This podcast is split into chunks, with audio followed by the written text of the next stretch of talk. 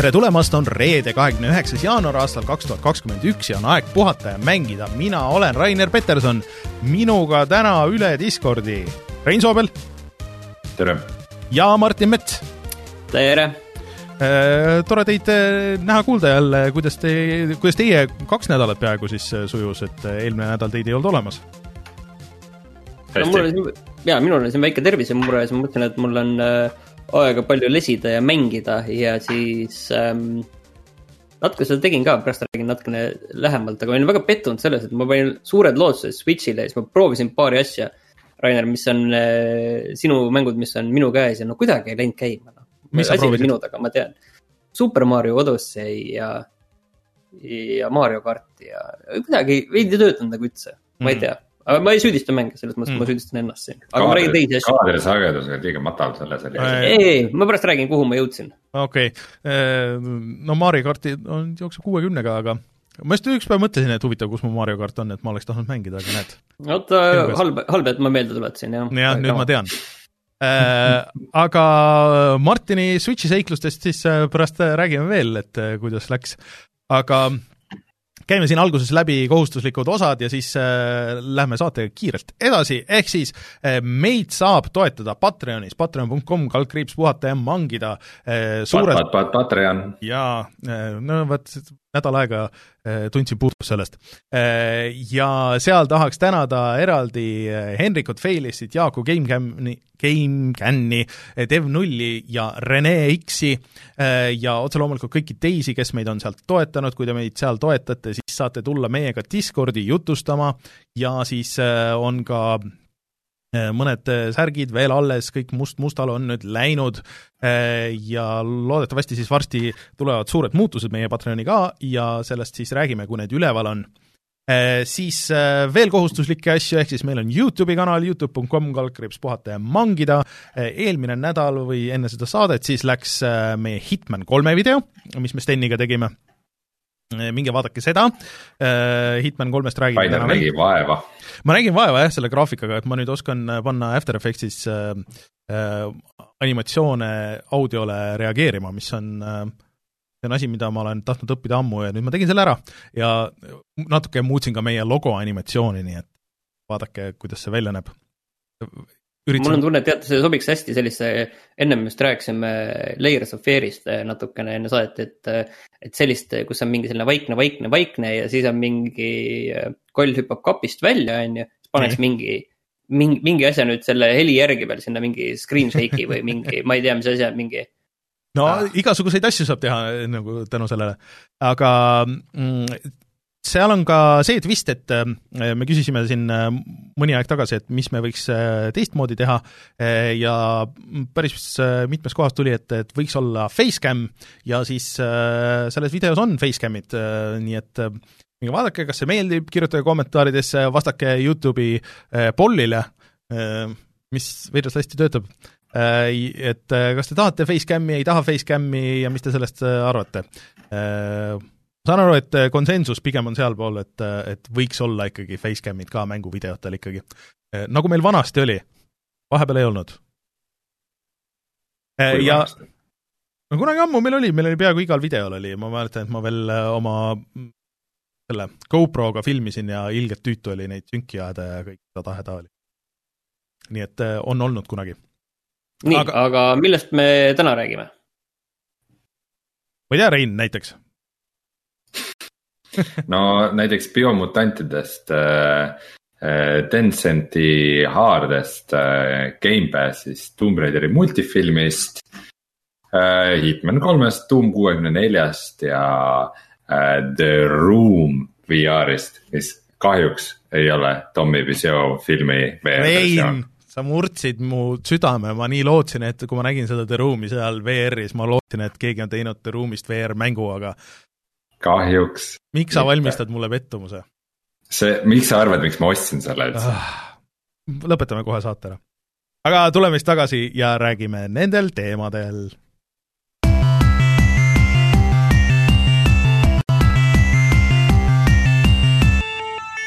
uudised. Äh, Martin, ma arvan, et sina oled pannud äh, siia kohe esimeseks äh, selle Biomutanti uudised, et räägime siis kohe sellest ka. no, no räägime, ma panin sellepärast selle, et see on üks mäng, mis vahepeal kuulutati välja vist neli aastat tagasi ja nüüd kadus mm -hmm. täiesti ära. et see on selline toredate loomadega, aga samas küllaltki vihane, avatud maailma äh, mäng äh, rolli, rollika elementidega.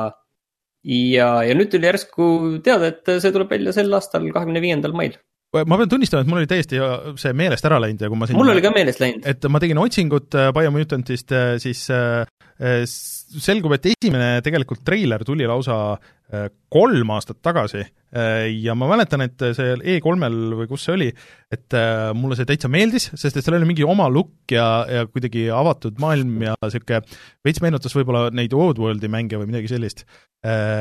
Ja selle tegijad on endis-, endis... tead mida või, seda, seda natukene seda Kung Fu Panda multifilmi, aga natuke nagu heas mõttes, mitte nagu halvas mõttes.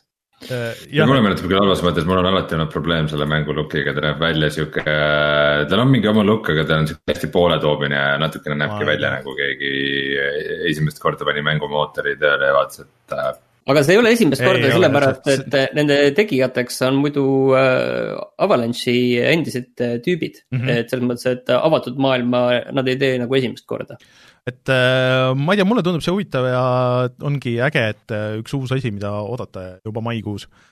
et ma ei tea ma arvan, et tasub nagu jälgida seda, see on kindlasti mäng, mida tasub jälgida. mina, mina olen juba ette pettunud kas on üldse mingeid asju, millest sa juba ette pettunud Rein on jah niisugune küüniline internetimees, kes on ette pettunud kõiges. ma, ma olen ette pettunud juba nendes kommentaarides, ma teadsin, et tulevad, kui ma seda ütlen aga. mina olen skeptik. Äh, ühesõnaga maikuus siis mm. -hmm. aga muide, üks asi, mida ma vahepeal mängisin, oli veel Cyberpunk. Nii et see noh, läks nagu selliselt, äh, tegin selle edasi, seda algust, et eks see läks nagu üsna raskelt. ja endiselt, ega ta nagu parem välja ei näinud, aga siis tuli see patch. ja, ja vähemalt see patch ei teinud mul midagi katki. see suur patch nüüd yes., et vähemalt hea oli seegi, ega midagi paremaks silmnähtavalt ka ei läinud. Äh, no ma lugesin neid patch note'e, need suurem osa vist ei olnudki üldse visuaaliga seotud, et need olid pigem siis, kui mingid quest'id katki lähevad ja et noh, mingid äh, täis masina crash'id tulevad ja mingisugused siuksed, aga ma saan aru, et see patch mingid teised asjad tegi jälle katki, et äh, mingi konkreetne missioon, mis äh, et võib-olla keegi nagu helistab, aga sellest ei juhtu nagu midagi ja siis on mingisugune hull workaround, mis sa pead tegema, et see tööle hakkab uuesti. ühesõnaga, nokk kinni, saba lahti. ühesõnaga neid inimesi, kellel on nokk kinni või saba lahti, neid on siis äh, kümme miljonit, kes ostsid, tegelikult on rohkem, aga kümme miljonit, kes ostsid digitaalselt äh, selle mängu detsembris ja see teeb sellest maailma kõigi aegade kõige suurema digitaalse mängu reliisi, mis on üldse kunagi olnud et selles mõttes äh, teistpidi tuleb neile au anda, et nad haibi said tööle, see töötas inimesed tegid ostud ära. Mm.. muidugi ei ole kirjas muidugi, et äh, nad ei öelnud, et äh, palju nad on refund'e teinud. Mm. uh, nendest. ma, mul on nagu nii raske võtta seisukohta ja mul nii kahju, et see mäng nagu nii katki on ja see oleks võinud juhtuda mõne teise mänguga nagu mõnes mõttes, sest et äh, ma ei tea. Nojah, ärme ava seda laegast praegu uue, uuesti. mis on tegelikult hea, on see, et eh, kui lugeda internetti ka Eestis, siis ikkagi paljud inimesed naudivad ja see on ju hea. nojah, võib-olla, et äh, ma ei oska sõnadesse panna kõik, kõik, kõiki neid tundeid okay, eh, Cyberpunki suhtes hetkel aga kui rääkida asjadest, millest on eh, tegelikult kahju, siis minul on kahju sellest, et sel nädalal tuli tegelikult kaks uudist. et Tencent, kes on siis äh, suur Hiina konglomeraat, üks äh, kolmest suurest, äh, tõesti ikka väga suurest Hiina tehnikafirmast. miks mul ei tule nüüd meelde peale Xiaomi, kes on see kolmas, aga üks on veel, Tencent, Xiaomi, üks on veel mm. -hmm. Uh, igal juhul Tencent ostis ära enamusosaluse Glaze ja, ja vähemusosaluse Dontnode'is, kes on kaks väga ägedat indie arendajat. Ja ikkagi mul on ikka väga kahju, kui sellised, noh, mõlemad on sellised nad ei ole ka väiksed indie arendajad, nad on sellised keskmise suurusega mängustuudiod. ja kui nad ikkagi kaotavad selle, seda noh, ilmselt ikkagi nad kaotavad seda loomingulist iseseisvust paratamatult, et Clay boss küll ütles, et kõik jätkub samamoodi, meil läheb kõik täpselt samamoodi edasi. aga noh, Tencentil on meil nüüd siin enamusosalus, nii on, on ju et midagi ei muutu, no eks ilmselt asjad niiviisi käivadki, et kohe päevapealt on sellises loomingulises ettevõttes midagi väga raske muuta. aga, aga pikas plaanis ma kujutan ette, et seal äh, mehed ikka ütlevad ühel hetkel, et mida võiks teha rohkem, mida võiks teha vähem. aga tead, teisest, teisest no. küljest äh, tegel-, tegelikult Tencent on nagu ostnud väga palju äh, väga paljudes mängufirmades mingisuguse äh, osaluse ja nii edasi. et äh, see on juba siin mitmete aastate jooksul nagu käinud ja väga ei ole olnud märgata, et oleks äh, midagi muudetud või et nagu nemad oleks midagi seal ette öelnud. et mulle tundub, et seal äkki on selles asi, et miks see Tencenti osalus seal üldse on, on see, et pääseda üldse Hiina turule, sest et Tencent on ainuke firma, kellel sisuliselt on õigus Hiinas mänge müüa, et see on nagu ähm, Äh, neil on nagu Hiina valitsuse poolne litsents, et mida Tencent heaks äh, arvab, et siis äh, seda tohib müüa ja ainult Tencent sisuliselt tohib müüa, et jaa, ei, see on üldse tegelikult noh, Hiinas, kui sa tahad äri teha üldse, siis selles noh, ettevõttes peab olema hiinlastel osalus yeah.. Hiina ettevõttel või hiinlastel, et see, see on nagu reegel, et sa, sa niisama ei saagi minna, et sa võid teha mingi eraldi ettevõtte sellega. et seda on palju Aga..., palju räägitud, et, ähm, et noh, vaata Hiina on niisugune tärkav turg ja järjest ja et, et sinna on noh, et nagu potentsiaali on hullult palju ja kõik tahaks minna, et, et aga ei saa, et see ilmselt on ainuke võimalus, et noh, Clay mängud ju. no ma ei tea, kas enamusosaluse müük on see võimalus no, pigem jah, nagu, see kõlab ikkagi pigem nagu äh, võimalus, kuidas ettevõttel ellu jääda üldse. no aga Clay läheb ju väga pigem... hästi, et Clay tegelikult see, kogu see Don't Starve'i teema, nad on väike stuudio ja kogu Don't Starve'il läheb hästi ja hullult hästi pidi nagu low-key minema ka sellel äh, Oxygen Not Included'il äh,, millel on väga suur mängijabaas tegelikult. et mis ei ole nagu väga mainstream jutuks kunagi äh,. ja ainuke asi, mis neil nagu suht läbi kukkunud on, oli see mingisugune naljakas FPS või third person mingisugune asi, see Floor is lava või midagi. aga. no praegu on natukene minu jaoks natuke ebaselgeks jäänud ka see äh,. mis selle nüüd nimi oli, ma just äh, vaatasin seda, see. Driftlands. Driftlands jah, et see ei ole nagu üldse nagu see minu mäng see, et ma olen seda natuke siin vaadanud ja kaalunud seda siin, aga ei lähe. aga no ütleme, et siin nagu ikkagi see põhiasi on see, et mul ikkagi kahju, kui, kui väiksed stuudiod kaotavad selle iseseisvuse ära, et mm -hmm. ükskõik nagu isegi ei, kellele, et kas, kuskohast see kuskohast see, see raha sinna sisse tuleb ja, ja kokkuvõttes sellel rahal ikkagi noh, tahad või ei taha, sellel, sellel on sõnaõigus no e, ja kui ma ütlen, et Tencentiga, et ma nagu väga ei ole märganud, et autonoomsus kaoks, siis äh, selle järgmise uudise puhul küll, et äh, mina läksin väga kurvaks, kui ma nägin pealkirja, et, äh, et äh, Vicarious Visions, siis eelmise aasta minu ühe lemmikmängu tegija või siis pigem minu aasta mängu tegija Tony Hawk Pro Skater üks pluss kaks remake pannakse kokku hoopis Blizzardiga. ja põhimõtteliselt selgub, et nemad teevad siis Diablo kahe remake'i juba natuke aega vist et äh, Rein, ma ei tea ähm,, tundub, et äh, sellest Blizzardist, mis sulle meeldis, äh, lugedes kõiki neid, hästi palju uudiseid oli selle kohta, on vist järgi ainult see nimi, mida panna osadele Activisioni mängudele, et need olid kunagi Blizzardi mängud ja et siia võib selle Blizzardi logo panna, sest et mingi tiim vist tegi seda Diablo kahe remake'i, see saadeti kõik laiali ja, ja mis iganes nad tegid seal ja siis ähm.... no see oli seesama tiim, kes tegi seda Warcraft kolme remake'i, mis äh, võeti vastu no ütleme niimoodi katastroofiliselt mm. -hmm. et, et, et äh, ma ei tea, mul ei ole praegusesse Blizzardisse eriti palju usku nii või naa, et äh, pole väga palju uudiseid, mis saaks seda arvamust praegu muuta, et äh, ma just äh, lõpetasin siis nende kahe raamatu läbilugemise, siis Diablo ühe ja Diablo kahe tegemisest, Stay while and listen. Ja noh, need, need tüübid juba läksid sealt ammu ära enne Diablo kolme tegemist, kes seal, kes seal selle asja taga oli ja see, see on juba ammu-ammu mingisugune hoopis teine korporatsioon, kes seda kogu asja teeb, et ähm, pigem on ime, kui sealt midagi head tuleb, samas, samas olen ma viimastel nädalatel väga palju mänginud Diablo kahte äh, samas ju olen selle, just selle viimase raskusastme viimases act'is. ja mul, ütleme, kui Diablo kahest tuleb remake, mis, mis vähegi suudab seda edasi anda, mis Diablo kaks on tänapäevases võtmes, siis ma, siis ma mängin seda ja palju see on garanteeritud. aga selles mõttes, et ma, mul ongi nagu rohkem usku, et kui tõesti Vicarious Visions, äh, nad on äh, tõestanud ennast ju väga, et nad tegid selle äh,, mm, selle Crash Bandicoot üks pluss kahe remake'i, mis oli väga hea pigem äh,, ja nad on enne ka teinud pigem nagu väga häid asju, et ma arvan, et et kui keegi sellest võidab, siis on, oled see sina ja kõik need teised inimesed, kes seda Diablo kahe remake'i ootavad, sest siiamaani nad on noh, teinud väga häid remake'e, on ju, aga mina olen kurb, sest et mulle tundub, et eh, noh, sellega pühiti siis see, see Tony Hawk'i eh, järgmine osa ära või, või noh, kahtlus on, et eh, kõik lootsid, et tuleb Siin Tony Hawk äh, kolm, neli, aga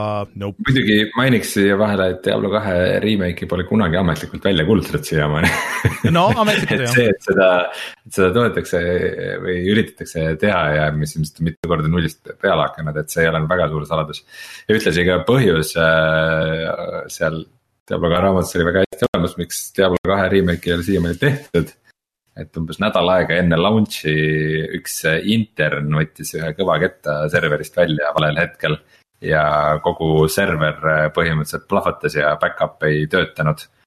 ehk siis uh, umbes nädal aega enne launch'i pandi mäng kokku uh, koodi ja asset ite juppidest, mis olid inimeste individuaalsetes arvutites. äge et äh, seda nagu tsentraalset koodi lihtsalt enam ei eksisteerigi, et see on ka põhjus, miks seda mängu ei saa nagu kunagi remake ida. No... aga kusjuures see, see, et sina oled mänginud Diablo kahte, mina olen mänginud viimastel nädalal Starcraft kahte. seda Aha. esimest äh, osa, seda Terranite osa ja, ja ma ostsin, ostsin tegelikult selle aastaid ja aastaid tagasi aga siis oli see probleem tekkis, et see ei sobinud mu graafikakaardiga, mingi ülekirjeldatud kaardi mingi, mingi häda oli seal. ja mis üldse ei sobi ja siis ma ükskord vaatasin, tuli meelde, et oot-oot-oot, mul on nüüd juba tükk aega uus kaart, et äkki töötab. Ja töötas kõik kenasti. Äh,. mängisin ja halb üllatus oli see, kurat, see oli raske. See tuli mulle ausalt öeldes üllatusena. Mm tegelikult selle, no mul oli raske raskustega peale, aga noh, ma olen neid mänge ju ka varem mänginud, nii et äh, ei tundunud nagu, et see oleks nagu probleem, aga siis ma lihtsalt jäingi ühte, ühte osasse kinni, mis oli nii äh,, isegi kahte, see oli korraga mul kolm osa olid lahti, sealt ühe tegin ära ja siis äh,. ja siis oli kaks tükki, mõlemad on aja peale, jõle tempo on taga ja siin oli endal ka selline tunne kogu aeg, et nagu väga nagu kiireid asju nagu teha ei tahaks kurat, see nõudis sellist äh, multitask imist, et äh, ma mõtlesin, et okei okay,, ma natuke, natukene hiljem tegelen sellega, kui ma olen vaimselt sellega valmis, aga muidu ikkagi mulje ikkagi väga hea. aga Starcraft kaht-, kõik need asjad on, need on seal Blizzardi poes praegu ostetavad ja kõik need, need ikka töötavad ja nendega uh, Wing, jaa, Wings of Liberty on tasuta juba tükk Aa. aega tegelikult, paar aastat. ja need teised lisapakid ja sinna tuli juurde veel mingi noh, need kolm mhm. põhirassi lisapakki ja siis on veel üks lisapakk äh, veel eraldi, mis on mingid missioonid. Nova äh, something. siiski kaks lisapakki tuli Starcraft kahele ju. nojah, jah, esimene oli jah. esimene nagu inimeste rass jah aga mul on väga hea meel, et see sulle tänapäeval meeldib, sest ma olen ikka mõelnud, et nagu, ma millalgi üritasin Diablo kolme mängida ja see on kuidagi ikka nagu ta ei ole nii ajatu nagu teised mõned vanad Blizzardi mängud, et ta on sihuke oma ajas kinni veidikene äh, mäng, et äh, seda väga hiljem ei tasu võib-olla mängida, aga mm, äh, üks asi, mida ma siiamaani ikkagi pole proovinud, on see Starcraft ühe remake, mis peaks ju olema päris okei okay. see vist oli jah. ma olen aru saanud jah, kuna see on suhteliselt üks-ühele, et. jah, et lihtsalt uued spraidid ja kogu lugu yeah aga jah, et äh, kõigi lootus oli selle peale, et võib-olla Vicarious Visions saab uue Tony Hawk'i ka teha, et sinna tagasi tuua ja kõik, et skeidimängud äkki tulevad tagasi, aga ebatõenäoline. nüüd on see ikka väga ebatõenäoline kahjuks, aga no samas aga skeidimängude kohta tegelikult tuli ju see uudis, et skeit vist kuulutati nüüd ametlikult välja ja... selle aasta E3-l. jah, aga see ei ole ikkagi sama, sest et see skate on ikka nagu teine, skate on nagu rohkem niisugune, niisugune sandbox simulaator ja Tony Hawk äh, kogu see seeria on rohkem nagu ikkagi nagu niisugune arkaadimäng, et äh, jah, jah, aga skate'i kohta ma tahtsin öelda lihtsalt seda, et EA tegi nüüd uue stuudio, kes seda teeb. Mm., täiesti uue. Mm no ei, see on kindlasti neile hea lüke ja seda skeiti on väga tükk aega tahetud, muideks kõlakad sinna Tencenti juurde käivad ka veel, et nad äh, valmistuvad äh, tegema pakkumise, et ära osta kas EA või äh, Take-Two, muidugi see ei ole kinnitatud midagi, aga, aga aga läheb sellega kokku no pakkumisi tehakse kindlasti, selliseid tehakse, tehakse sageli. Mm. -hmm nii, aga räägime, kas te saite aru üldse, mis värk selle Microsofti äh, Games with äh, Live with Gold? no ühesõnaga, hakkas sellega, et äh, see vist oli kas eelmine neljapäev, nad ütlesid, et äh, äh, kõik on väga tore, aga me nüüd tõstame äh, siis Xbox Live Goldi hinda. Ja Xbox Live Goldi, see, seda siis teatavasti see on see asi, mida on vaja, et netis mängida ja äh, et netis mängida ja siis äh, sa saad tavaliselt ka kolm äh, mängu kuus siis sellega. see on täiesti eraldiseisev asi nüüd Gamepassist. et kui sa ostad selle Games with Goldi ja siis see puudutas ainult Games with nii, okei okay,, ma korra, ma korra nagu tõmban tagasi, et see on eraldiseisev asi Gamepassist, aga siiski mm, -hmm. kui sa tahad veebis mängida, on sul seda vaja. kui sa tahad mängida Gamepassi ja. mänge veebis. jah, et Gamepassist on ka kaks, et kas sa võtad selle Gamepass Ultimate'i, mis on äh, Äh, siis koos Gamepassiga ja selle Goldiga, on ju, äh, või siis sa võid ka Gamepassi eraldi osta, aga see hetkel ei puutu asjasse.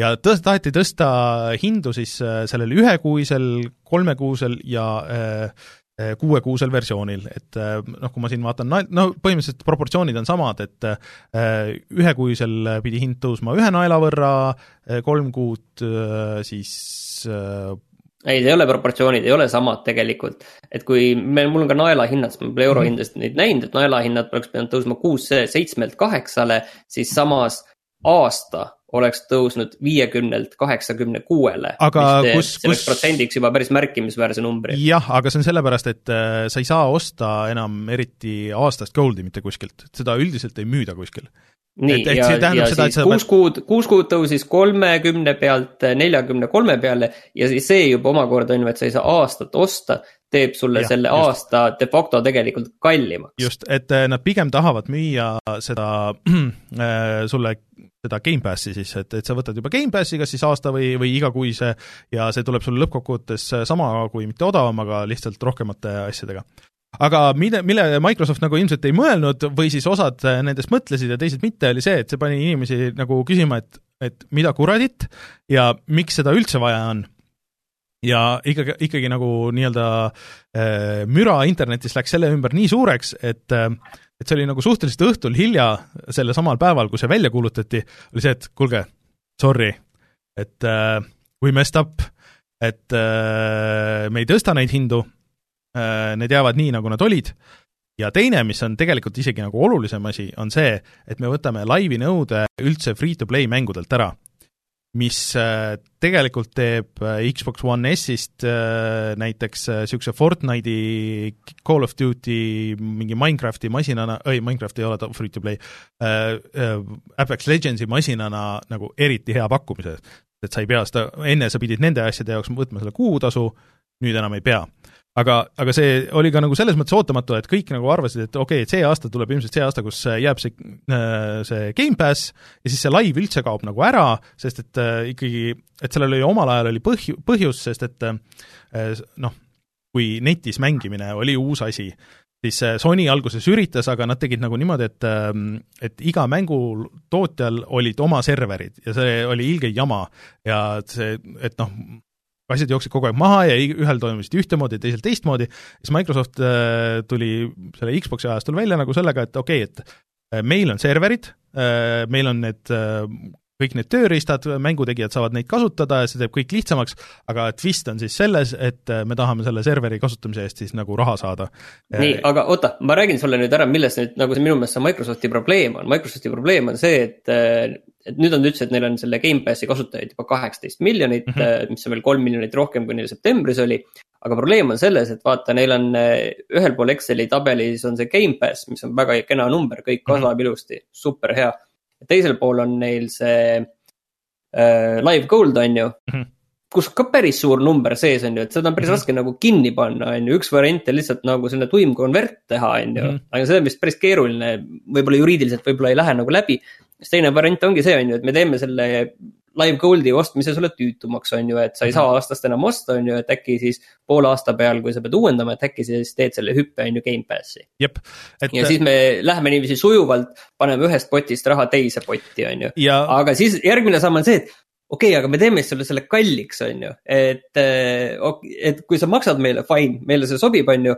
aga kui sa oled nagu mõistlik inimene, sa lähed sinna Gamepassi on ju üle ja maksad meile, mis on ka nagu väga hea, on ju. Et nad on selles mõttes nagu natuke halvas seisus ja siis ongi okei okay,, siis jätame kõik samamoodi ja mm -hmm. teeme siin selle selle kogu selle jama eest sellise no, toreda. no Martin, ma näen nagu siin natukene teist poolt ka, on see, et see Gamepassi väärtuspakkumine tegelikult ikkagi ei ole tasuv, seda nad kasutavad, noh praegu on selle Gamepassi väga odavaks teinud ja selle väärtuse suureks selleks, et äh, inimesed sellega liituks ja, ja Xbox'i ja Microsofti maine on ka praegu päris halb, et see ikkagi nüüd viimase aasta jooksul on äh, palju kõvasti paranenud. Äh, kui mingid halod ja muud prohmakad välja jäeti. aga, aga see ei tasu ära ja, ja see, et keegi peab selle kogu jama ikkagi lõpuks kinni maksma. et see on põhjus, miks, miks Gamepass on väga halb asi ja lõpuks, lõpuks selle eest ei, viie euro eest kuus ei saa enam nii palju mänge, sest ma, mängude tegemine ei ole Rein, et ma ei usu, Rein, et see niimoodi on, et äh, ma arvan, et ei, nad on võib-olla, mul on ka tunne, Rein, tegelikult, et nad on ületanud selle selle kasutajate hulga piiri, kus eh, neile juba ka selle hinna juures on nagu kasumlik. Ma arvan, et, et. mul on see tunne, aga ma, ega ma ei tea, on ju. ma arvan, et nad tahavadki, lihtsalt tahaks kuidagi leida mingi viisi, kuidas ühtlustada need kaks Excelit nagu, et sul on see, see. ei, mitte ühtlustada, vaid et sujuvalt ja. see asi liiguks ühest potist Just. teise ja. ja see teine pott kokkuvõttes oleks veel palju suurem. jah, et, et saaks selle ühe, selle live gold'i nagu ära kaotada, sest et see on kasutajale ka nagu keeruline. et okei okay,, et mis on nüüd üks asi, mille eest ma pean maksma ja teine asi, mille eest ma pean maksma. Äh, aga sellega, et nad võtsid selle free to play mängudelt ära Äh, see on juba nagu kasutaja jaoks äh, mega hea tegelikult liigutus. see on küll, see sinna aga sellel on ka ilmselt põhjus, sest et tegelikult nende sissetulek tuleb mikromaksetest, äh, millest nad võtavad kolmkümmend protsenti niikuinii ja mis ilmselt on lõppkokkuvõttes tasuvam kui need, need live gold'i. Sest... aga see tekitab natukene rumala küsimuse, et miks peaks üldse mitmikmängu eest raha võtma ka siis, kui sa juba mängu eest raha maksad, aga selle eest, mille eest sa ei maksa selle eest sul pole vaja raha maksta, et seda mitmikmängu mängida, aga kui sa maksad raha eraldi mängu eest, siis sa pead maksma ka mitmikmängu eest. ma arvan, et nad vaatasid, et. et see ei ole loogiline, ma saan aru, pigem oli, pigem nad vaatasid, et kuskohast me saame nüüd selle jama peale mingi äh, siit mingigi võiduga nagu aga, aga ma arvan, et seal oli aga noh, kasutaja võidab kokkuvõttes. ma arvan, et seesama, sama Excel näitas, et võib-olla kui on tasuta mäng, siis tegelikult äh, neid mikromakseid tehakse rohkem kui tasulistes mängudes, mis mulle tundub tegelikult täitsa loogiline. Äh, ja mm, aga, aga lihtsalt, et kui nad oleks tahtnud, et kuskilt oh,, me peame kuskilt nagu seda raha tagasi saama, siis tegelikult äh, Gamepass või nagu see live gold ei ole nagu see koht, sest et sa võid äh, ilma live'ita osta ka seda Gamepassi siis nad oleks teinud selle kas nagu kohustuslikuks või kuidagi nagu äh, mitte tõstnud äh, nende ühekuiste versioonide hinda nagu, et, et siis nad oleks tõstnud võib-olla äh, või üldse kaotanud ära need ühekuused, et sa saadki osta mingi aastase või midagi niisugust. et äh, sellepärast see nagu variant eriti ei tundu loogiline, ma arvan, et see kaheksateist miljonit Gamepassi kasutajat tegelikult äh, maksab kinni küll kõik selle sisu, mis seal on. ma nagu olen üsna veendunud selles nojah, sest see sisu on odav. no ei ole tegelikult ju, seal on äh, ikka väga palju mänge. no me ei, me ei lasku sinuga jälle. ärme, ärme, ei, ärme jah sinna mine, selles mõttes. eriti olukorras, kus Gamepass ametlikult Eestis pole saadaval, nii et räägime Gamepassist jälle siis, kui ta ametlikult. et äh, Kauber siin ütleb, et, et äh, Xbox oli isegi nagu nelikümmend protsenti plussis et äh, see. jaa see..., Xbox oli plussis sellega ja selle, sellest äh, oli ka see minu jutt, et nad on selle asja nagu, äh, selle tasuvuse piiri nagu ületanud. aga ärme sinna mine, selles mõttes, et ma olin alguses Reinuga, oleks kerima aega aasta tagasi, siis ma olin, oleksin Reinuga samas paadis täna ma kipun olema pigem seal Raineri paadis selles asjas, aga räägime sellest Tomb Raideri multikast, selles mõttes, et mina jätsin selle uudise välja, aga ma näen, et see kuidagi on siia teemade faili tagasi tekkinud uh,. Netflix teeb Tomb Raideri teemalist animet, aga see ongi kogu uudis uh,. ja mulle tegelikult uh, tundub see kõige parem viis Tomb Raiderist üldse midagi teha tänapäeval, sest et need Netflixi animed siiamaani on pigem nagu väga head olnud ja ma arvan, et Tomb Raider sobiks niisuguseks äh, pooletunniseks ägedaks action seikluseks palju paremini kui mingisugune, et me üritame nüüd kahetunnist filmi teha sellest, ma arvan, et see materjal on selle jaoks palju parem oota, aga mingi, mingi mänguteemaline Netflixi asi kuulutati veel välja äh,. Resident Evil peaks tulema varsti ja siis ähm.... see juba oli ja Witcherist tehakse ka mingisugust ja. Äh, animessi. Witcherist tehakse eellugu ka, sarjast siis. jah, väga palju Witcherit. et äh, neid, muidugi neid animesid on päris palju siin tulemas, et uus Sonic ja igasuguseid asju, et äh, et aga, aga millal need kõik hakkavad järjest ilmuma, noh, seda muidugi veel ei tea.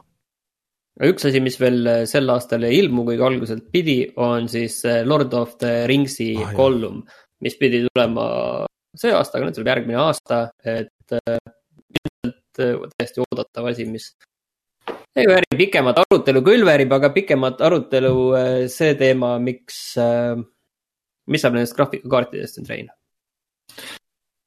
ma ei tea, ühesõnaga on selline kuulujutt, et, äh, et nüüd kuna mälude hinnad tõusevad, siis äh, tõuseb ka selle kolm tuhande seeria kaartide tootmishind, et lisaks sellele, et iga edasimüüja ja scalper poole võrra selle hinna juurde paneb, siis nüüd sellega tootjapoolne hind läheb kallimaks, nii et need kaartide hinnad lähevad veelgi, et äh, ma arvan, et praeguseks võib äh, nüüd täie kindlusega öelda, et kui äh, Nvidia kuulutas välja, et need kolm tuhat kaheksakümmend kaardid tulevad nagu äh, sellise võimsusega ja hea hinnaga.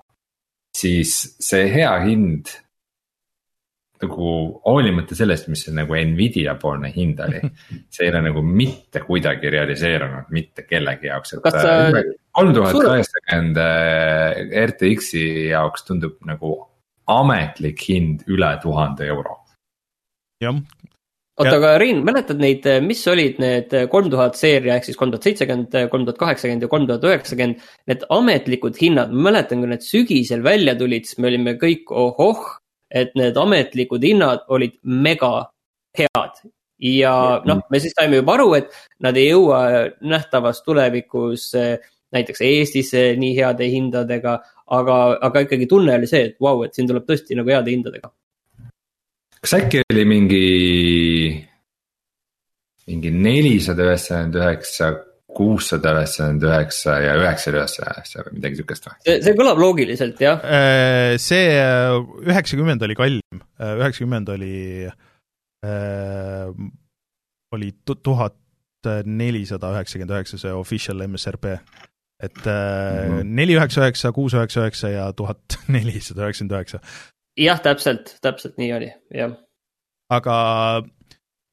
reaalsuses on need siis olnud tegelikult äh, Eestis, praegu need, mis on müügil olnud, on see, et äh, kolm tuhat seitsekümmend on olnud kõige madalamad hinnad, seal on vist käinud ka täpselt seitsmesaja peal aga, aga nad on seal üldiselt seal kaheksasada kuni tuhat ükssada vahemik erinevalt versioonist ja kui see RTX kolm tuhat üheksakümmend, see ametlik hind oli, oli tuhat nelisada üheksakümmend üheksa, siis reaalsuses nad liiguvad seal kahe tuhande juures.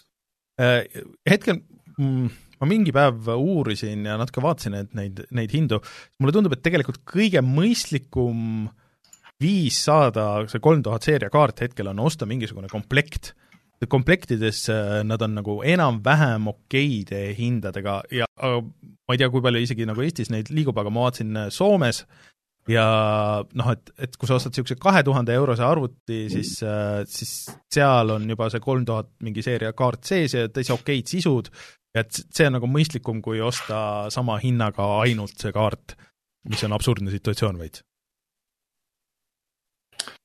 huvitav jah, ma vaatan, et äh, Eestis hinnavaates ka näiteks kolm tuhat kaheksakümmend vaadata, siis äh, on seal palju pakkujaid, mingisugune tuhat ja natukene peale. aga need on kõik tellimisel mm, -hmm. ehk siis see on, see on see vana hea, et annan lihtsalt firmale laenu, et Jep. siis nad annavad selle kunagi mulle selle raha tagasi, ütlevad, et ei saanud äh, aga nagu reaalselt, et kuskilt sa saad ka mingiks ajaks selle kätte on stiilis hinnaga tuhat kolmsada viiskümmend eurot ja see on kolm tuhat kaheksakümmend see on kaks korda rohkem kui selle kaardi. ma tegin hinnavaatlusest täna kolm tuhat seitsmekümnele tegelikult ka ühe tiiru peale, et vaadata, et mis seal täpsemalt toimub.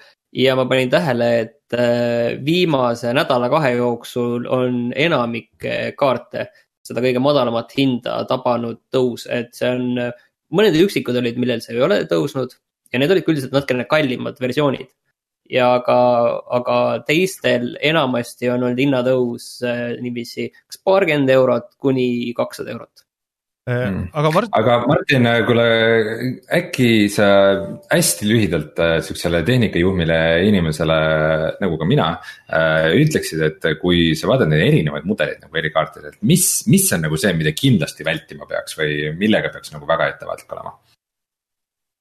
See on, väga, väga hea küsimus, millele ma lihtsalt uuriks isiklikult, vaataks äh, igalühel seda, seda heli on ju, mis nad teevad, on ju. et mis, mis on see müra, mis need seal vendid on ja mis see jahutuslahendus seal on, selle kohta uurida. on üks asi, teine asi on, on ju see, et mis nad on üle kiirendatud või mitte et mm. mis seal see realistlik võit on, sest teinekord minul on küll mulje see, et me paneme siia mingi uhke vendi külge ja turbo super kirjutame peale ja hind on järsku ka kakssada eurot äh, võimsam.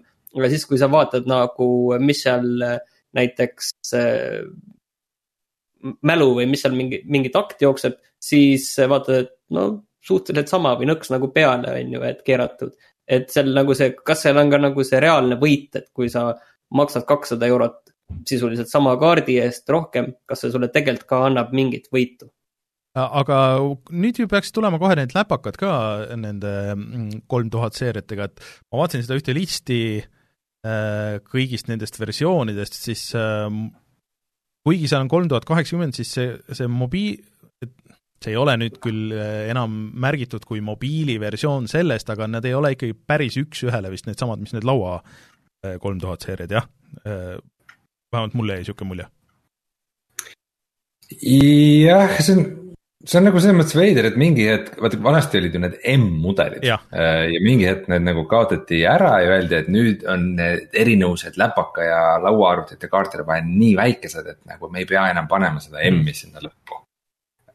aga tegelikult ikka nad päris samad ei ole küll. ja nad ei ole samad sellepärast, et nad on hästi palju arhitektuurilt samad tegelikult, millised on üles ehitatud ja kõik see on nagu väga sama aga lihtsalt paratamatult äh, see, noh, sa kujutad ise ette, kui sa paned kolm tuhat seitsekümmend endale arv, arvutisse, on ju, lauaarvutisse. et siis äh, seal on ikkagi uhked vendid küljes ja see puhub, äh, seda eraldub sealt soojust, puhutakse välja, on ju kõik. kui sul on seesama läpakas, siis sa näed, on ju, et mingil põhjusel ei ole läpaka küljes selliseid suuri vente, et kuskilt see vahe tuleb. et see, need voolud, mis sellele lauaarvuti versiooni lähevad külge, on hoopis nagu teisest klassist. mis tähendab ka seda, et seda võimsust annab sealt pigistada rohkem välja, mis omakorda tähendab seda, et seda soojust sealt oma, er, eraldub. ja lauaarvutil lihtsalt need on äh, maha keeratud, kuigi ta võib olla tehniliselt väga sarnane mm. -hmm. sest muidu see lauaarvuti, noh isegi kui see muidu, sisse muidu... ehitada, igasugu imeasju on ehitatud ka, aga lihtsalt siis see noh, aku ja kõik see tuleb seal ka sellel on ikkagi karm hind. muidu tunduks päris uhke niisugune läpakas äh, kolme tuhande kaheksakümnega ja nii, aga noh, Rein, sul vist on ju, oota, mis sul läpakas oligi? Äh, äh, tuhat seitsekümmend. mis sellel ajal oli, oli päris kõva, aga aga jääb siis näha, et kas äh, need läpakaid üldse hakkab saama või saada olema ja mis nende hinnad nagu on, et et see on ka jälle omaette teema jah, äkki, äkki juhtub hoopis, et on odavam osta läpakas kui graafikakaart. Mis on nagu reaalne situatsioon veidral kombel. sa oma arvutikasti teed seest tühjaks paned, lihtsalt see on läpaka sisse. HDMI juhtme paned sinna taha ja ongi kõik. Jah, põhimõtteliselt nii. aga mina jah, mõtlen, et see aasta vist peab ikkagi uuendama, sest mu masin on ikka viima-, viimaste jalgade peal jaa, aga tund-, mul on sama tunne, aga tundub, et on ikkagi halb aeg. ei anta võimalust. vähemalt äh, ma praegu vaatasin tegelikult, et mälude hinnad on okei okay.. ja kõik komponendid on päris okeide hindadega, aga, aga protsessorid ja videokaardid, need on asjad, mida on raske saada. ma vahepeal räägin siin toimub kahjuks, ma ei kuuluta välja ühtegi uut Eesti mängu Polegi tükk aega ennast uut Eesti mängu, aga laupäeval oli meil selline üritus nagu Eesti virtuaalreaalsuse kommuuni kokkusaamine. ja miks see on oluline, on see, et see on nüüd ametlik organisatsioon oh., mittetulundusühing ja siis selle uue juhatuse korraldatud üks selline uus esimene äh, üritus oli, mis toimus siis loomulikult virtuaalreaalsuses praegu. ja äh, siis äh, mina olen äh, ka selle uue MTÜ juhatuse liige. ja olin ka üks ettekandja, rääkisin, äh, rääkisin sellest meie Kalevipoja projektist veidikene veidikene pikemalt, et kes tahab kuulata, siis on selle Eesti virtuaalreaalsuse kommuuni lehel täiesti olemas, see ja mõned teised huvitavad teemad veel. ja peale selle toimub sellel nädalavahetusel nüüd äh, Global Game Jam mm,. ja kui panna Google'isse, mis asi on Global Game Jam, siis äh, siis Google ütleb, et äh, ilus eestikeelse tekstina, et Global Game Jam on igal aastal levitatav mängumoos. mis jah ja., ei ole vale aga mida see tähendab, on siis see, et, et see on põhimõtteliselt nihuke rahvusvaheline üritus, kus hästi paljudes riikides üle maailma see nädalavahetus klopsitakse kiiresti kokku mingisuguseid mänge. ja no mitte päris mänge, aga siukseid nagu prototüüpe ja vaadatakse, mis toimib, mis mitte ja sealhulgas ka Eestis, et, et Minori ülikool siis korraldab nagu seda Eesti poolt ka natuke õpetavat mänguarendust ja. ma olen ka selle žüriis, et siukseid huvitavaid asju toimub ka hmm.. ja kas see, sinna saavad kõik liituda või kui, kes tunneb, et ähm,. minu teada see Mainer muidugi korraldab seda just nagu pigem enda tudengite jaoks, aga minu teada see on sihuke asi, millega peaks saama üle maailma kõik liituda ja mm. umbes äh, näidata oma asja ja. ja mingid mentorid võivad nõu anda ja igasugused ressursid ja asjad on sellega seoses kättesaadavad mm.. Okay. ja tavaliselt on ka mingisugune oma teema. see aasta oli äkki mingi lost and found või midagi, sihukest mm. üldist nagu nad ikka kipuvad olema. okei okay no põnev, et äh, taaskord toimub midagi. Äh, aga ma saan aru, et see kokkutulek äh, oli siis virtuaalne või olid päris inimesed ikkagi nagu ühes ruumis või, või kuidas see oli? virtuaalselt olid inimesed ühes ruumis. Altspace VR on siis see. MySpace VR. keskkond, Altspace siis, Microsoft võttis selle ära küll. kus siis igaühel on nagu avatar ja, ja VR headset'idega on, on inimesed justkui koos aga, aga seda saab kasutada ka ilma VR headset'id, et sellest on nagu tavaekraani versioon ka. okei okay.. aga see on, selles mõttes see, see on igati nagu äge on tegelikult praegusel nagu pandeemia ajal, kui ei saa suuri kokkutulekuid teha, siis mm -hmm. niimoodi VR-ist korra nagu kokku saada, et täitsa, täitsa tekib selline tunne, nagu sa oleks inimestega päriselt ühes ruumis ja ajaks juttu ja vehiks asjadega ja mängiks. aga ühesõnaga guugeldage siis Global Game Jam äh, ja siis äh, kui kellelgi on huvi ja siis äh, sealt leiab mingid juhendid mm. -hmm. aga tundub, et uudistega on kõik, tuleme tagasi mm -hmm. ja räägime siis, mis me oleme ka mänginud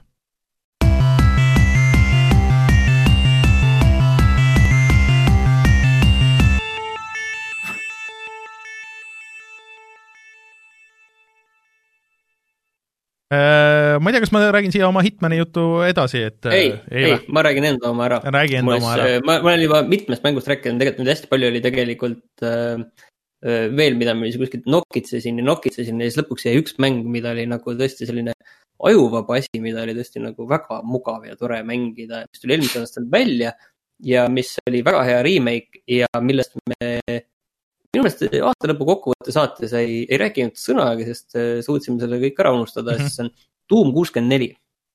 Äh, et, et.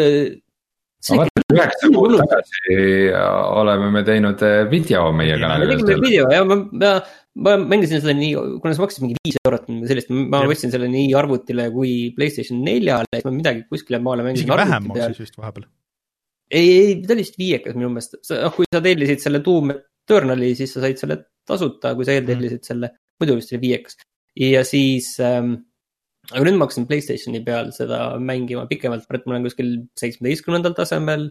ja seal kokku neid on vist originaalis oli kakskümmend kaheksa pluss need lisatasemed, aga nüüd sellel remake'iga tehti terve see chapter ehk siis ilmselt kaheksa pluss üks taset sinna veel juurde.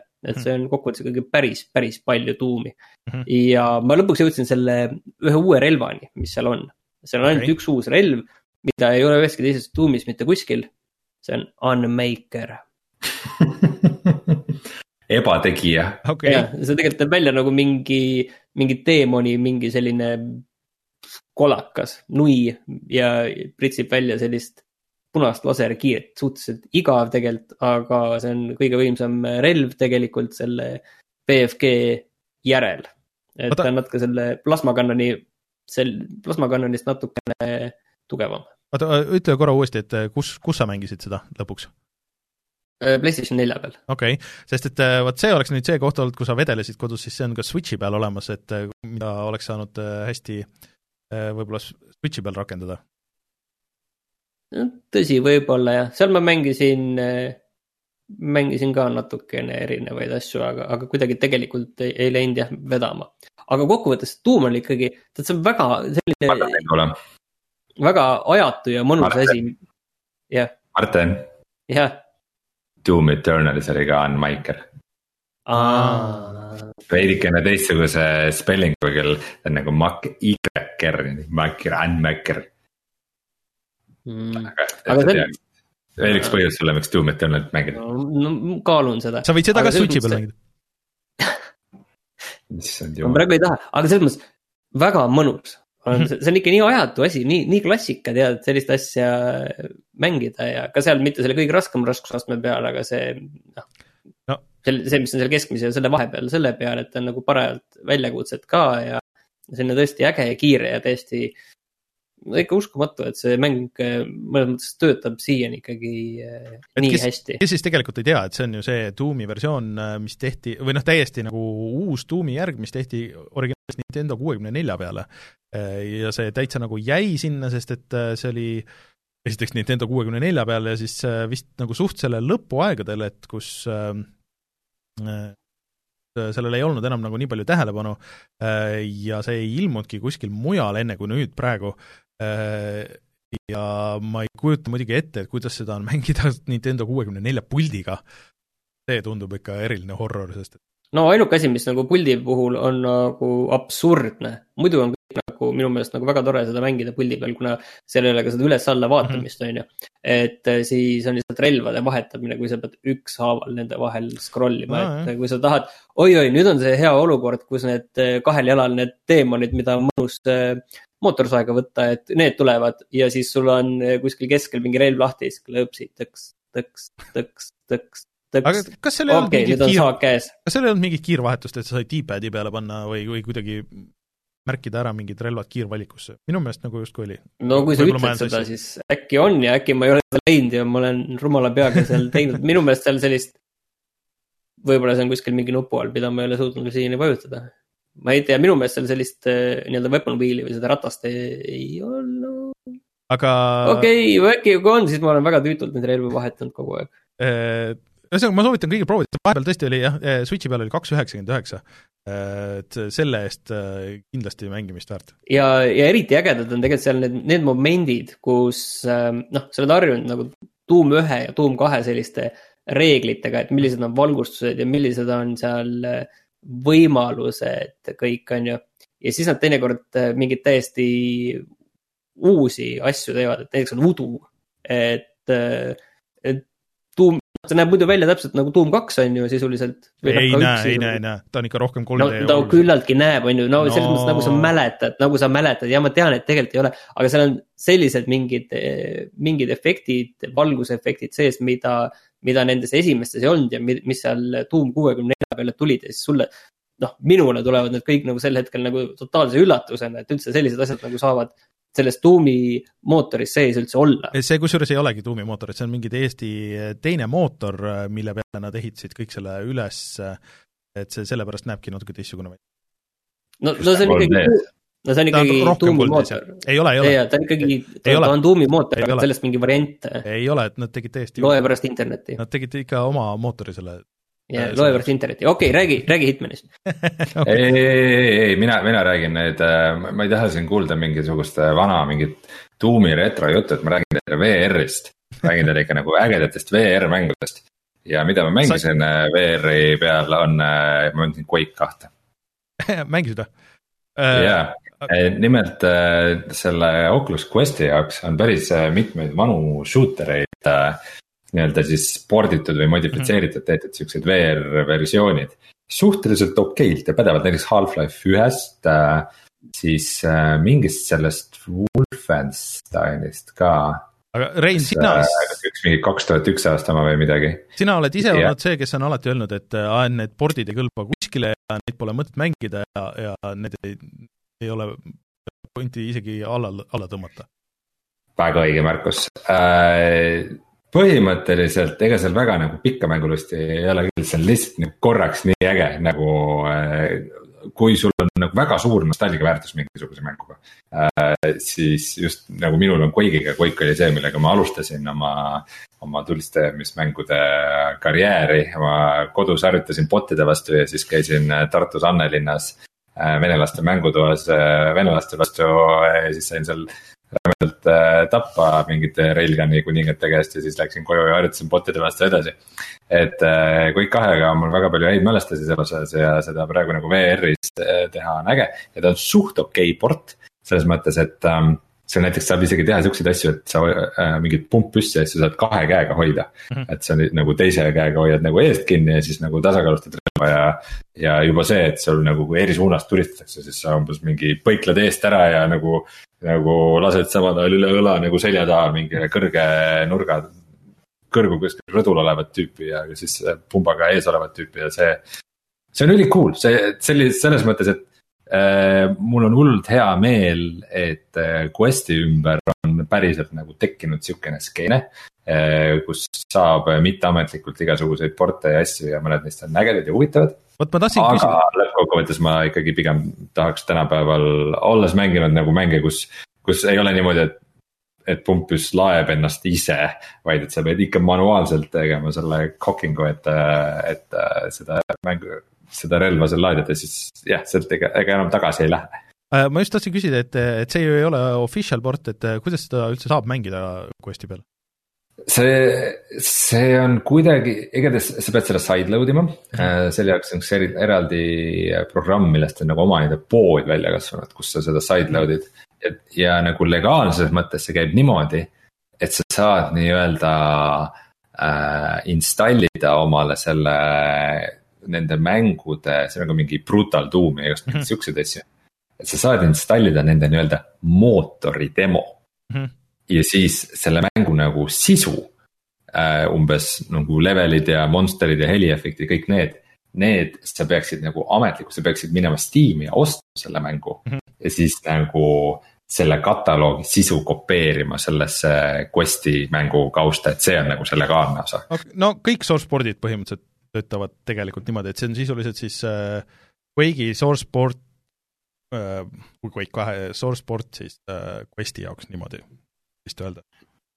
jah, seal oli mingeid päris mitmeid erinevaid mänge, ma praegu mainisin Half-Life'i, Wolfensteini, Quake'i, Doom'i.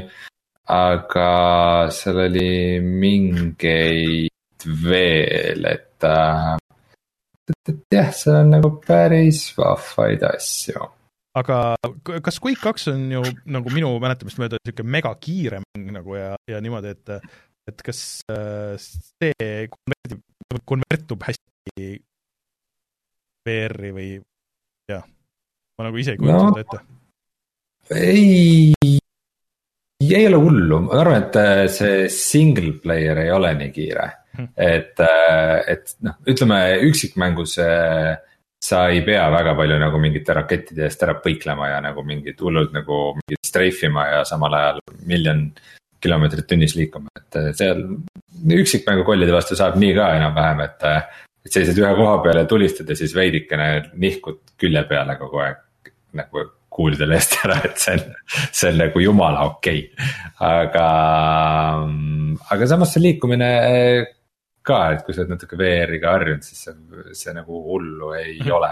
pigem on ebamugav, vaata kui sa kangiga liigud ja nagu kahe käega relva hoiad, siis seda nagu samal ajal teha on kuidagi ah. veidikene igerik. põhimõtteliselt toimub. kas sa treadmill'i, kus jooksed ka? jah, ei tahaks, aga jah, miks mitte kuigi treadmill. aga räägi siis kohe ära, et mis, mis see Room VR-ga on? Et kui see, see äh, filmist ei ole kahjuks? kahjuks ei ole jah, et ma natukene, ma viimasel ajal olen tundnud, et ma olen oma Quake kaht-, Quake Quest kahte natukene liiga vähe kasutanud äh,. Oculus Quest kahte siis, äh, et siis kes ei tea, et Oculus Quest kaks on sihukene peaseade, mida saab kasutada nagu arvuti peaseadmena, aga ta on ka nagu eraldiseisev peaseade. ja siis ma olen natuke proovinud seal igasuguseid neid eraldiseisvaid mänge ja üks, mida on nagu kiidetud mis igast aasta toppides ka nagu välja tuli, oli selline mäng nagu The Room VR A Dark Matter. et see The Room'i sari, hoolimata sellest, et see kahjuks oli seotud selle Room'i filmiga äh,, on siis tegelikult juba täitsa sihuke varem eksisteerinud sari, ma vaatasin äh, Steamist, et Steamis on äh, kolm osa ja nüüd veebruaris peaks neljas osa tulema The Room'i et need on põhimõtteliselt siuksed nagu, mitte nagu põgenemistoad, aga pigem siuksed nagu mõistetuse mängud, kus sa umbes oled mingisuguses atmosfäärilises kohas ja siis sa pead seal lahendama mingisuguseid äh,, mingisuguseid äh, füüsilisi, ruumilisi mõistetusi, et, et pääseda edasi. ma ei ole nagu väga suur puslemängude fanaatik äh,. aga The Room huvitas mind sellepärast, et äh, inimesed väga kiitsid äh, selle interaktsioone, ehk siis seda, et kuidas sa, kuidas sa saad kasutada ja mingisuguseid asju ja kuidas nagu see tunnetus on just, kui sa midagi teed. mis sellise mõistetusmängu puhul kõlab nagu päris mõnusalt.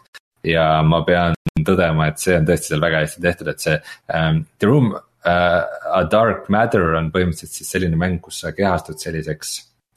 ütleme nagu Sherlock Holmes'i ajastu sihukeseks detektiiviks hmm. ja siis sa uurid ühe egüptoloogi kadumist juba aimata, kuhu see läheb, et eh, oleme kuskil Londonis mingites eh, Egiptuse teemalistes muuseumiruumides ja avastame mingeid needuseid ja muumiaid ja.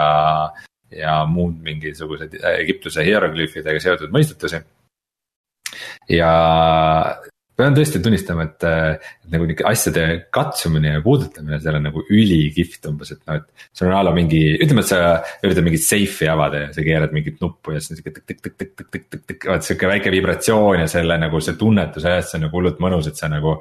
kuuled, kuidas umbes seal sees mingid asjad liiguvad ja siis siis sa saad äh, mingisugused siuksed nagu lisaläätsed, mida sa saad sisse lülitada, et sa näed mingisuguseid.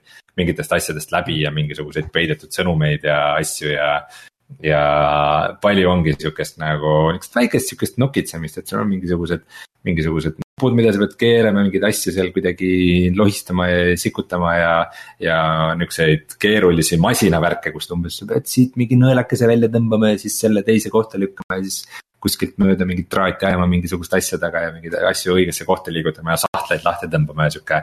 et see interaktsioonide pool on hullult äh, mõnus ja äh, sellise esimese suurema chapter'i ma sain läbi ja teine äh, on natuke atmosfääri poolest nagu teine chapter või peatükk siis on atmosfääri poolest veidikene nõrgem, et see toimub siukses nagu üsna tavalises igavas siukses kirikus. Mm.. ja, ja seal põhimõtteliselt ühe mõistusega olen täiesti kinni, et ma nagu tõesti ei tea, kuidas seda edasi peab tegema, seal on ka mingisugune sihuke vihjete süsteem. et, äh, et sa saad kuskilt sikutada selle vihje välja, aga ma ei taha seda teha, ma ei ole kordagi teinud, ma tahaks hullult ilma vihjeteta selle mängu läbi teha ja ma tean, et see on nii libe tee ka, et kui sa ühe korra võtad selle vihje, siis hakkadki neid vaatama. nii et äh, ma natukene veel katsetaks ja üritaks, aga üldiselt, et äh, kellele mingid mõistmismängud pakuvad huvi ja isegi neile, kellele muidu väga ei paku, siis The Room VR A Dark Matter on kindlasti miski, mida ma soovitaks, eriti Questi peal, kus on nagu mhm. eriti mõnus nagu ilma juhtmeteta sellega möllata. ma saan aru, et see on Playstation VR-i peal ka tegelikult vist, kui kellelgi lihtsalt on olemas see. okei okay,, ma teadsin, et arvuti peal on seda, ma tean, et Playstationi peal ka on, et äh, tundub üsna. suhteliselt väikse stuudio nihuke mingi suur äh, suur investeering. okei okay., no tundub cool, aga mul, mulle meeldiks muidugi, kui see oleks seesama mäng, aga The Room filmi nagu maailmas. jah, see oleks, see oleks ka kindlasti väga tore. ja kuna ma juba olen siin VR-laines, ma räägin ära ka selle, et ma siis proovisin äh, ütleme, tundub, et kõigi lemmik VR tulistamismängu Pavlovi äh, teise maailmasõja teemalist äh, lisapakki. Äh, nimelt siis on seal kõvasti igasuguseid neid teise maailmasõja relvi ja nagu ikka kõvasti. et nii sakslaste kui ameeriklaste igasugused, see on eraldi nagu teise maailmasõja lasketiir. ja ma arvan, et siukseid nagu vintpüsse hm. on juba mingisugune kaheksa tükki äkki või. ja jube raske on välimuse järgi aru saada, mis neil vahet on, sest tegelikult sageli on nagu see printsiibid suht erinevad, et millel on nagu magasiin. milliseid sa pead nagu iga kord äh, peale igat lasku laadima, milliseid ei pea ja millele sa pead üldse ükshaaval äh, padruneid sisse panema või millele sa paned selle viiese klipi nagu see M, M1 Garandil või, mis on nagu legendaarne. Äh, ja siis ongi see, et kui sa nagu kas neid väikseid asju seal nimet-, ei nimetata kassettideks või? ma olen kogu aeg mõelnud, et see ei ole nagu padrunisalv, on ju, ta on, kas see on kassett või? et see on nagu mingi viis padrunit nagu kokku ühendatud yeah.. ja ma endal äh, talu sellest äh, lakast leidsin ühe sellise, ma tean. okei, ma ei teagi, mis seda ametlikku nimetust on, et võib-olla chat'ist keegi võib öelda, et, äh, et noh, kui sa, kui sa paned, kui ta on seal metallist asja sees, siis see on salv. aga kui ta on siukse väikse kirjaklambriga nagu kokku pandud, siis mis selle nimi on, et siin võib chat aidata. aga see on muidugi selles mõttes keeruline, kui mm, sa oled nagu lahingus sees, see on see, et sa iga kord äh, sünnid nagu erineva relvaga. ja siis ongi see, et nii, missugune see nüüd siis on. et kõige lihtsam on see, et sa kohe tulistad ja proovid, kas sa saad teist korda veel tulistada, aga vahel sa nagu lahingus avastad, et põmm, oih, mu relv ei lase enam, et äh, seal jäänud ja, ja nagu laskemoona on hullult vähe, sa ei taha selle katsetamise peale raisata ja ei taha nagu ei taha pauku teha, et vaenlane saaks teada, kus sa oled ja siis see, see natukene on veider, aga noh, Pavlovis see, see tulistamine ja need relvad on ülikihvtid ja ülirahuldust pakuvad. aga mis on nagu suur asi veel selles maailmasõja lisas on see, et seal on ikka tankid. et nii, nii ameeriklaste kui ka äkki venelaste äkki ikka venelaste jah, võib-olla ma panen jama kui ka siis sakslaste tankid. ja sinna tanki saab siis päris mitu inimest sisse minna, et see tankiga sõitmine päris naljakas, on nagu kaks suurt kangi, siis liigutad ühte või teist ja siis. nagu tank sõidab kas ühele poole või teisele poole ja siis äh, suutsin ka korra ka, tanki katusele keerata, mis on vist nagu päris raske asi, mida päris, päris elus teha, et mul mitmes mängus on see õnnestunud. tundub jah päris keeruline asi, et, et see. tavaliselt tank kaalub mingi seitsekümmend tonni või? jah, et ähm, kuidas sa selle teistpidi okay.. füüsika, lihtsalt füüsika. Äh, ja siis lisaks sellele juhi kohale on siis äh, juhi kõrval istub siis äh, teine tüüp, kes on kuulipildujaga mm. -hmm. ja siis üleval on torn. ja korra sain ka torni ja mina ei suutnud välja mõelda, kuidas selle, kuidas selle suure tankikahuri tulistamine ja laadimine käib, seal on nagu neid keeratavaid asju, mingeid elekt-, elektri siukseid nagu klõpats, nuppe ja asju ja kange, päris palju. Ja ma ei suutnud aru saada ka sellest, et kuidas sa, kuidas sa nagu seda lisalaskemoona sinna juurde paned, et sa pead nagu reaalselt tegema mingi selle toru tagant selle kõik värgi lahti mingisuguse süsteemiga mingit asja keerates. siis võtma sealt mürsu selle hülsi siis välja äh,, panema uue sisse, selle asja kinni keerama ja siis ja, ja samal ajal tank sõidab mingi peadpööritava kiirusega ja proovib veel keegi sinna toru ette saada ja et seda kogu seda turretit liigutada ja see. Ma vajan abi sellega, ütleme niimoodi, et see, see, sõda ei ole nii lihtne, nagu pealtnäha tundub, et eriti kui sa. aga Rein, meil on siin taustaks, videoversiooni taustaks on käinud mingi video äh, mingisugusest nagu äh, sellest äh, laske mingi Eh, noh, mingi weapons showcase eh, ruumist, et kas seda siis eh, täismängus ei ole, et kus laske, lasketiir. lasketiir jah, ühesõnaga, et jah, jah, ma enne rääkisin ka, et see teise maailmasõja lasketiir on, on seal täiesti ametlikult olemas ah,. Okay. see näeb märksa parem välja kui siin, aga seal lasketiirus ei ole tanki. aa okei okei et, et. nii et see tanki õppimine on natukene raskem ah,, ja lisaks sellele oli veel ilmunud sinna, mida minu teada varem ei olnud, on ka koostöö zombide mängulaad.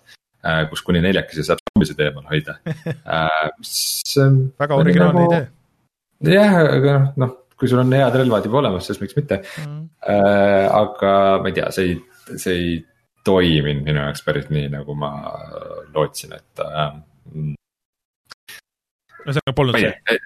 ei, ei köitnud mind liiga palju, kuigi seal mingi vahva moment oli näiteks, et sul on mingi, äh, leiad neid tablette ja siis teed selle purgikaane lahti ja siis kugistad tablette nagu zombide tapmise vahepeal, et oma elusad tagasi saada ja mingeid siukseid nagu lõbusaid momente oli. Aga ma arvan, et jah, et see on peamiselt ikkagi nagu selline üksteise tulistamise mitmikmäng. eriti see teise maailmasõja gun game, kus on siis see, et sa iga relvaga pead ühe kill'i saama, selleks et saada järgmine relv. Hmm. ja, ja et lõpuks muidugi alustad Panzerfaustiga sellega saab palju nalja. Pavlov jätkuvalt üks äh, parimaid äh, mis üldse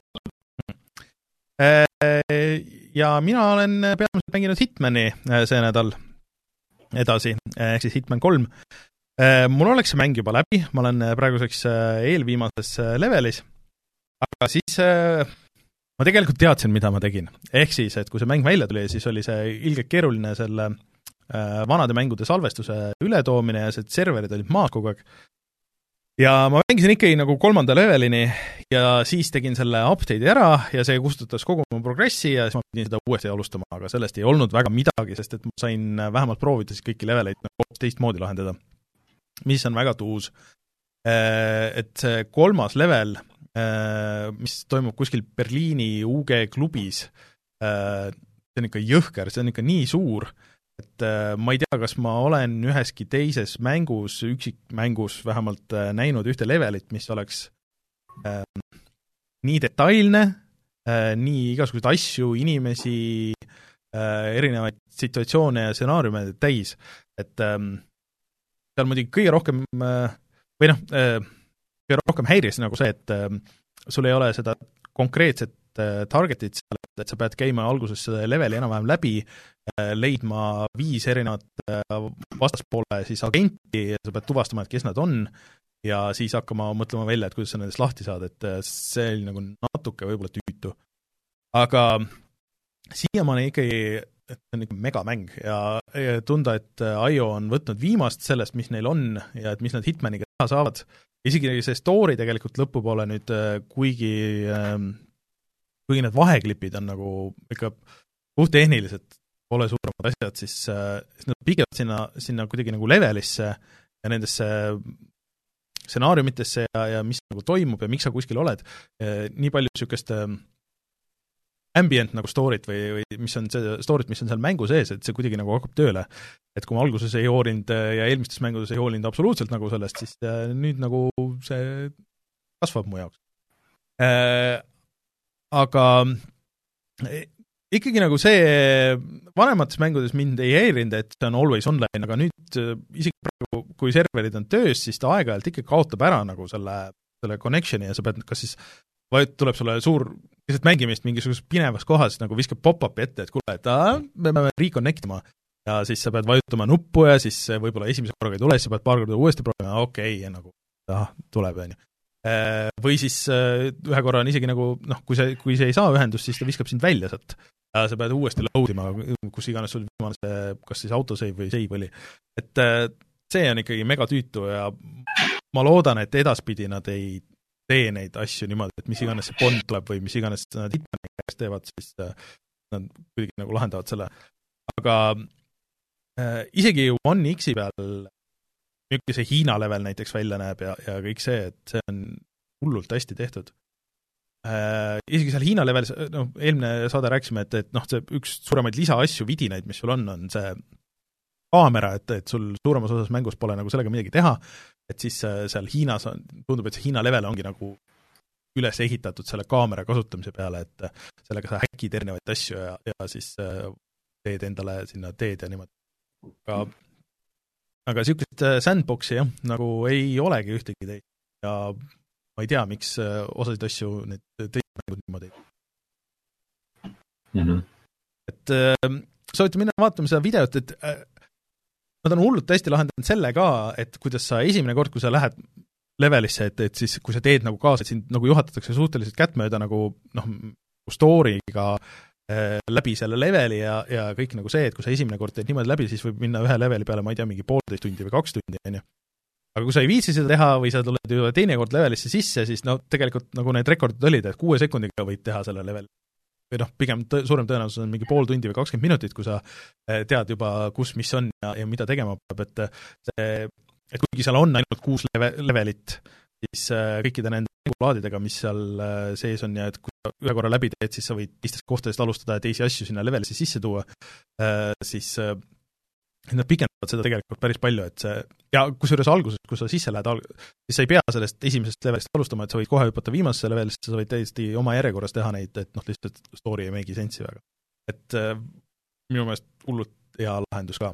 aga ma nüüd päris lõpus ei ole, aga ma saan aru, et see on vist nagu siis äh, juba kõik läheb sinnamaani, et okei okay,, tõmbame otsad kokku Hitmaniga, et et ma loodan, et nad teevad nüüd seda James Bondi iOS-is ja siis äh, võtavadki Hitmaniga nagu aja maha, äh, selle mootor ikkagi ja kogu see noh, mängitavus, noh, ma arvan, et nad on liht-, algusest peale nagu lihtsalt lihvinud seda ühte sama valemit ja nüüd see on nagu ka nagu väga heal tasemel kõik see, aga et siis nad võtavad veits aja maha ja siis teevad nii-öelda uue reboot'i või nagu alustavad kuskilt nagu uuesti sellesama asjaga, sest et äh, et potentsiaali, äh, eriti uutel masinatel siin on, et kuigi Hitman kolm siis tuli välja kõikide uute generatsiooni masinatel ka ja et aga et noh, ta ei saa väga rohkem ära kasutada kui noh, võib-olla natuke visuaalist nagu et jookseb nagu paremini ja kiiremini ja ja siis äh, stabiilsemalt, aga, aga et äh, see on see mäng, mis võiks välja pigistada nendest protsessoritest nagu päris palju, sest et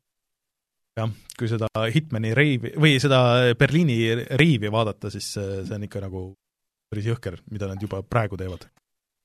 no peaks vist selle Hitman ühe ikka ette võtma. Äh, tead, ma soovitaks seda ikkagi teha läbi Hitman kolm, sest et, äh, et sa saad kõik need levelid, äh, saad sinna sisse importida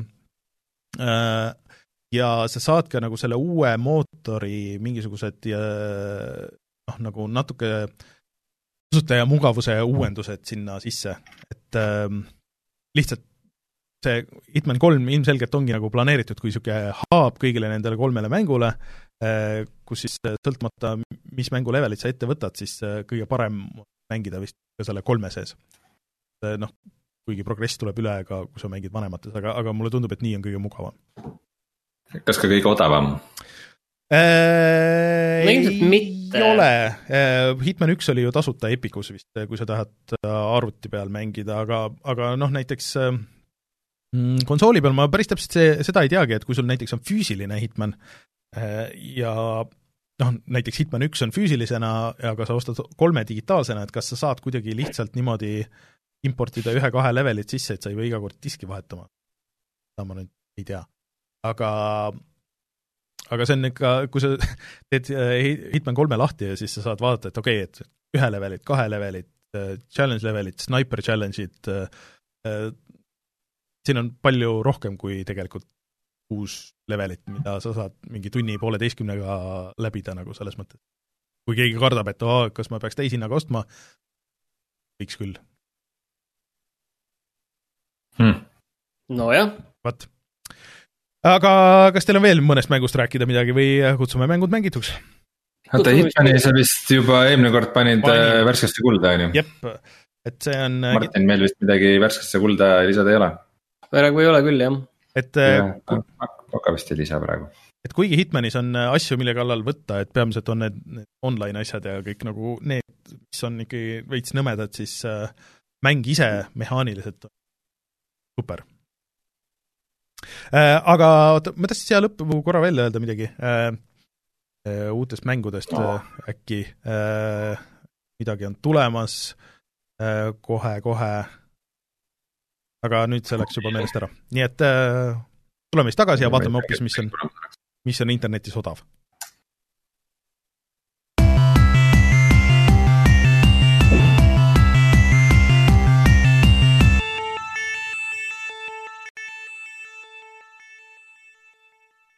ma tegelikult eelmine saade natuke ajasin jama, sest et äh, päris mitu talve seda allahindlust oli veel käimas. Aga mis meil täna leidub odavat? mina soovitaksin kohe seda Doom kuutekümne nelja, et see on mm. viie euroga, ma vaatasin, et igal pool mm. sisuliselt, et miks äh, mitte aga mhm. meil vahepeal chatis Kauber soovitas äh, äh, sellist, kui Rein rääkis siin sellest 3D puslemängudest, siis sellist mängu nagu The House of Da Vinci mm, -hmm. mis maksab Steamis, ma vaatan praegu kuus eurot, mis on seitsekümmend protsenti vähem kui tavaliselt ja tundub väga visuaalselt väga äge. -hmm. selline puslemäng, äh, kus tõesti, see tundub hea, ma arvan, et peame ära võtma. ja Epicus on tasuta Tandara äh, Trials of Fear Edition, mis on niisugune pikseldatud Metroidvania, noh, pusle Metroidvania, mis iseenesest näeb nagu äge välja see vist tuli Gamepassi ka just. saab proovida nii arvuti kui konsooli omanikud tasuta. Ja järgmine nädal tuleb Epiku poodi selline mäng nagu For the King. kas see ei ole juba olnud? või, või ma ajan millegagi sassi? võib-olla on, kes maha magas, saab uuesti. kaks, kaks tükki neid tasuta omale. Nice. nagu see logo tundub hullult tuttav, aga. väga. Vot. Pole päris kindel. aga sellega on tänane saade vist purgis ka me veel täpselt ei, vist ei ole paika pannud, et millest me video teeme järgmiseks teisipäevaks mm. -hmm. aga äh, hoidke meie Youtube'i kanalil silm peal ja minge vaadake Hitman kolme videot ja siis kommenteerige, likeige, share ige, minge vastake pollidele, me üritame game ida seda Youtube'i algoritmi, mis natuke tundub, et isegi töötab, ja siis järgmine nädal, ma ei tea, kas uusi mänge on midagi tulemas, aga vist praegu on suhteliselt hõre. ma vaatasin, et minu meelest küll midagi, midagi väga väärtuslikku ei ole, et siin jah ähm,. Pole, pole ime, miks kõik äh, mängusaidid pasendavad The Mediumist, et äh, lihtsalt midagi muud ei ole. no Mediumit natuke tahaks proovida küll, et äh, just puhtalt tehniliselt, aga noh, ei ole ju seda platvormi. ja Kauber ütleb, et Yakuusa viie remastered versioon tuli täna arvuti oma. kolm ja neli, aga need vist tulid ka Gamepassi kes äh, seitset ei taha osta, siis, äh, siis saavad neid proovida. ma nüüd väga ootan, et ma saaks äh, Hitmani ikkagi nagu läbi ja saaks Yakuusasse tagasi minna, sest et mul jäi väga põneva koha peal iseenesest pooleli, aga ma ei taha Hitmani nagu jätta kuskil. Yakuusa tahab niisugust süvenemist. okei okay.. kas teil on veel midagi siia paikapanevat siia lõppu öelda? Ei ole kahjuks. Selge.